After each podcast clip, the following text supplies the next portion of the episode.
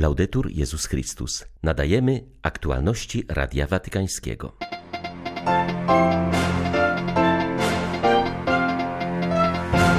Edukujcie dorosłych, jak żyć po bratersku, napisał papież w przesłaniu na Europejską Konferencję Młodzieży. Rosjanie nadal podpalają łany zbóż, płonie nasz chleb, ale my się nie poddamy, mówi w codziennym orędziu arcybiskup Światosław Szewczuk. W Demokratycznej Republice Konga znów zaostrzyły się działania rebeliantów. Pociągnie to za sobą straszną biedę, przewiduje polska misjonarka w północnym Kiwu. 11 lipca witają Państwa Marek Krzysztofiak i Łukasz Sośniak. Zapraszamy na serwis informacyjny. Papież Franciszek skierował przesłanie do uczestników Europejskiej Konferencji Młodzieży, która spotyka się w Pradze. Ich pomysły podsumuje specjalne sprawozdanie, które następnie zostanie zaprezentowane we właściwych komisjach Parlamentu Europejskiego. Ojciec Święty podkreślił, że jednym z największych atutów współczesnej młodzieży jest umiejętność życia w braterstwie. Uruchomiliśmy globalny pakt edukacyjny, który ma wychowywać młode pokolenia do braterstwa. Jednak widząc, jak ten świat jest prowadzony przez dorosłych, dorosłych, myślę sobie, że to może wy powinniście edukować starszych w zakresie braterstwa i pokojowego współżycia, zauważył Ojciec Święty. Wezwał młodych, by nie pozwolili się uciszać. Jeśli cię nie słuchają, krzycz jeszcze głośniej, rób raban. Masz pełne prawo wypowiedzieć się na temat tego, co dotyczy twojej przyszłości. Franciszek zachęcił młodzież do otwartości na drugiego człowieka. Otwórzcie się na przyjęcie innych Nie dajcie się wciągnąć w krótkowzroczne ideologie, które chcą pokazać innego jako wroga. Nie dyskryminujcie nikogo z jakiegokolwiek powodu. Bądźcie solidarni z wszystkimi, a nie tylko z tymi, którzy wyglądają jak wy, napisał papież. Święty Benedykt mówi nam, że nie zaznamy pokoju, dopóki nie otworzymy drzwi Chrystusowi. Przypomina ksiądz Fabrizio Messina Cicchetti, dyrektor Biblioteki Świętej Scholastyki w Subiaco. Dziś przypada liturgiczne wspomnienie świętego Benedykta. Ogłaszając go patronem Europy, Paweł VI nazwał go zwiastunem pokoju. Ksiądz Cicchetti podkreśla jednak, że dla świętego Benedykta pokój to nie abstrakcyjne pojęcie, lecz konkretny cel, do którego dochodzi się szukając Chrystusa. Chrystusa. To przesłanie jest aktualne również dzisiaj dla Europy pogrążonej w wojnie. Święty Benedykt rozpoczął swoją drogę bardzo osobistym poszukiwaniem Boga.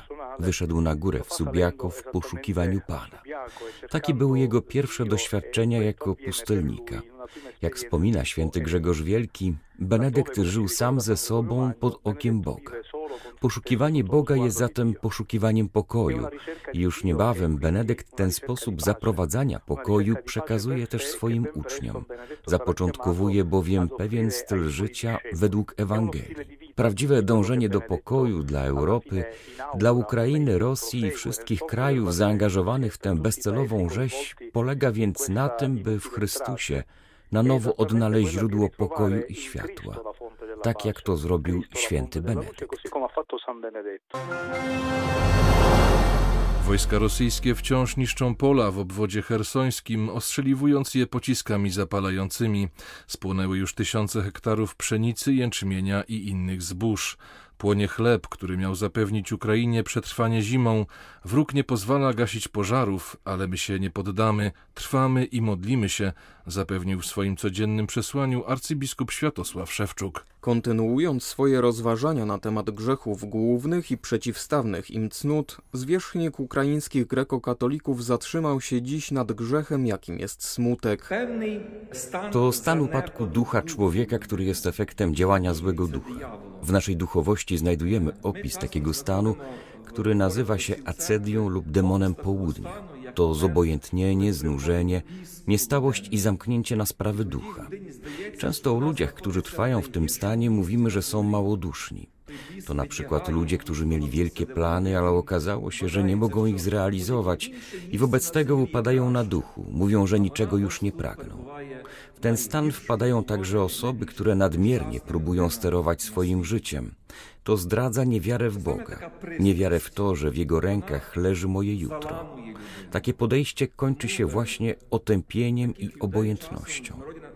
To sytuacja, która może nam grozić właśnie w czasie wojny, kiedy próbujemy szukać pewności, w wyjątkowo niepewnych okolicznościach. Jak możemy temu zaradzić? Trzeba prosić o błogosławieństwo Ducha Świętego, bo radość, która uzdrawia nas z obojętności, jest Jego darem. Radość, która wlewa On w nasze serca, pozwala dostrzec pozytywy nawet wśród bardzo niesprzyjających okoliczności. Pomódlmy się dziś za tych, którym jest trudno, którzy upadają na duchu, którzy przeżywają duchowe i psychiczne rozczarowanie i utratę sensu życia aby chrześcijański optymizm, dar Ducha Świętego, dawał nam możliwość radowania się każdym przeżytym dniem. W północnym Kiwu wybuchła kolejna krwawa rebelia. Kilka tysięcy uchodźców schroniło się w naszej szkole, ośrodku zdrowia i na misji, wierząc, że są to bezpieczniejsze miejsca, mówi Radiu Watykańskiemu siostra Anna Nowakowska. Misjonarka ze Zgromadzenia Sióstr od Aniołów podkreśla, że kolejny konflikt pociągnie za sobą straszną biedę w tym tak bardzo doświadczonym od lat zakątku Demokratycznej Republiki Konga. Siostra Anna wyznaje, że najtrudniejsze chwile ostrzałów przeżywała w Ntamu Mugędze, siedząc skulona na podłodze domu zakonnego wraz z kongijskimi współsiostrami, będącymi jeszcze w formacji. Takie ciężarówki z tymi wyrzutniami pocisków były ustawione właśnie jeden niedaleko naszego domu zakonnego, a druga właśnie w bliskiej odległości do szkoły podstawowej i, i kościoła. Także te wszystkie pociski, które leciały w stronę tych wzgórz, przylatywały nad, nad naszym domem zakonnym, aż, aż był taki świst tych odpalanych tam pocisków z dołu i odgłos właśnie tam na wzgórzach, kiedy to eksplodowało. Ten odgłos, ten hałas, to wszystko takie przejmujące i po prostu zatrważające. Ja jestem pierwszy raz w tej sytuacji, więc też mi trudno przewidzieć, ale na pewno też jest takie smutne, że ta wojna wybuchła teraz, kiedy ludzie zebrali z pól e, fasole, na przykład soję i też kukurydzę i mają część właśnie tego w domu, więc po prostu rebelianci, kiedy wchodzą do zajmowanych domów, z łatwością wyważają drzwi i też zabierają to, co, co ludzie tam zgromadzili już po, po tych zbiorach. Teraz po prostu te pola są porane przez te bomby, przez te pociski, więc to, co mnie też takiego jakoś przeraża, to to, że to, co będzie konsekwencją tej, tej wojny i tego wszystkiego, to będzie wielka bieda ponieważ ludzie no, już stracili bardzo wiele. Siostra Anna wyznaje, że serce jej płacze, gdy widzi ubogi majątek, z którym uchodzą ludzie, matę do spania, garnek, zapas fasoli, czy prowadzone na sznurku kozy.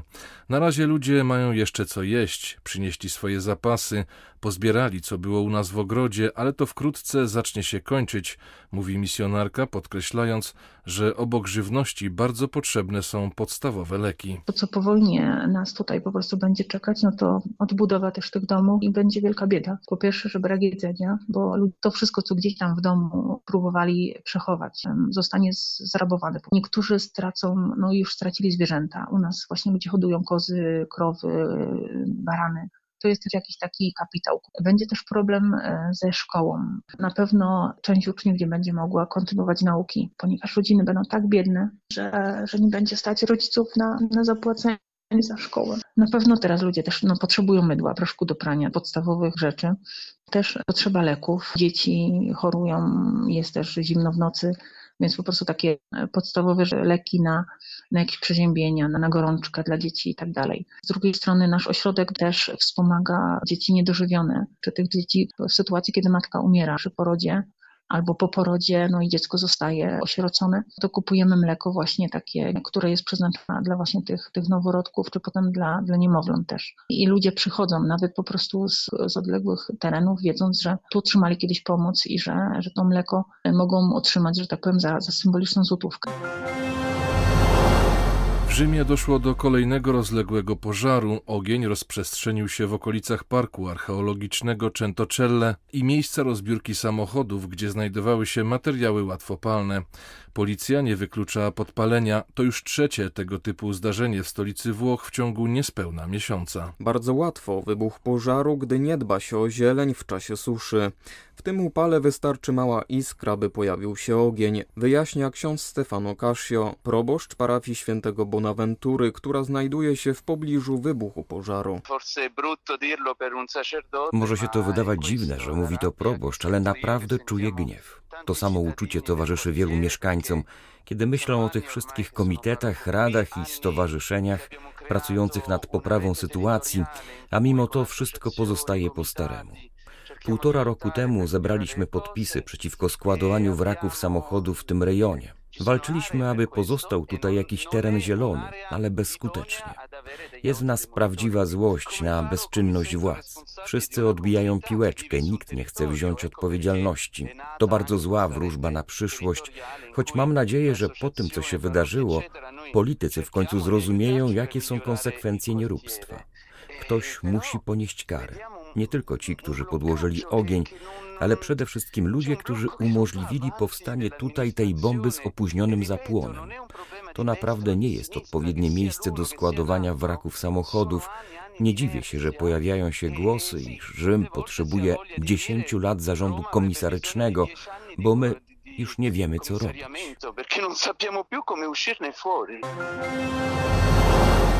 Biskupi Stanów Zjednoczonych wezwali prezydenta Joe Bidena do rezygnacji z promowania aborcji i podjęcia działań na rzecz poszanowania prawa każdej istoty ludzkiej do życia.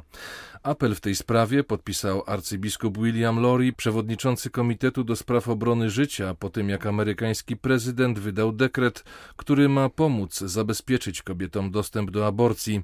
Sąd Najwyższy unieważnił orzeczenie w sprawie z 1973 roku, które zalegalizowało w USA aborcję. Arcybiskup Lori podkreśla, że amerykańskie społeczeństwo potrzebuje w obecnej chwili działań na rzecz uzdrowienia ran i naprawy podziałów, rozsądnej refleksji refleksji dialogu obywatelskiego oraz zjednoczenia na rzecz budowania społeczeństwa, które wspiera małżeństwo i rodzinę i gdzie każda kobieta ma zapewnione potrzebne wsparcie i środki, aby z miłością urodzić swoje dziecko.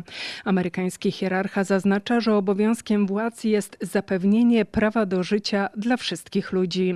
Jest głęboko niepokojące i tragiczne, że zamiast tego prezydent Biden wybiera wykorzystanie swojej władzy do promowania i ułatwiania aborcji w naszym kraju, szukając każdej możliwej drogi, aby odmówić nienarodzonym dzieciom ich najbardziej podstawowego prawa ludzkiego i obywatelskiego, czyli prawa do życia, napisał arcybiskup Lori. Zapewnił, że Kościół gotowy jest do współpracy z obecną administracją, aby chronić prawo do życia każdej istoty ludzkiej i zapewnić, że matki będą w pełni wspierane w opiece nad ich dziećmi przed i po urodzeniu. 9 lipca minęło 206 lat od ogłoszenia niepodległości Argentyny.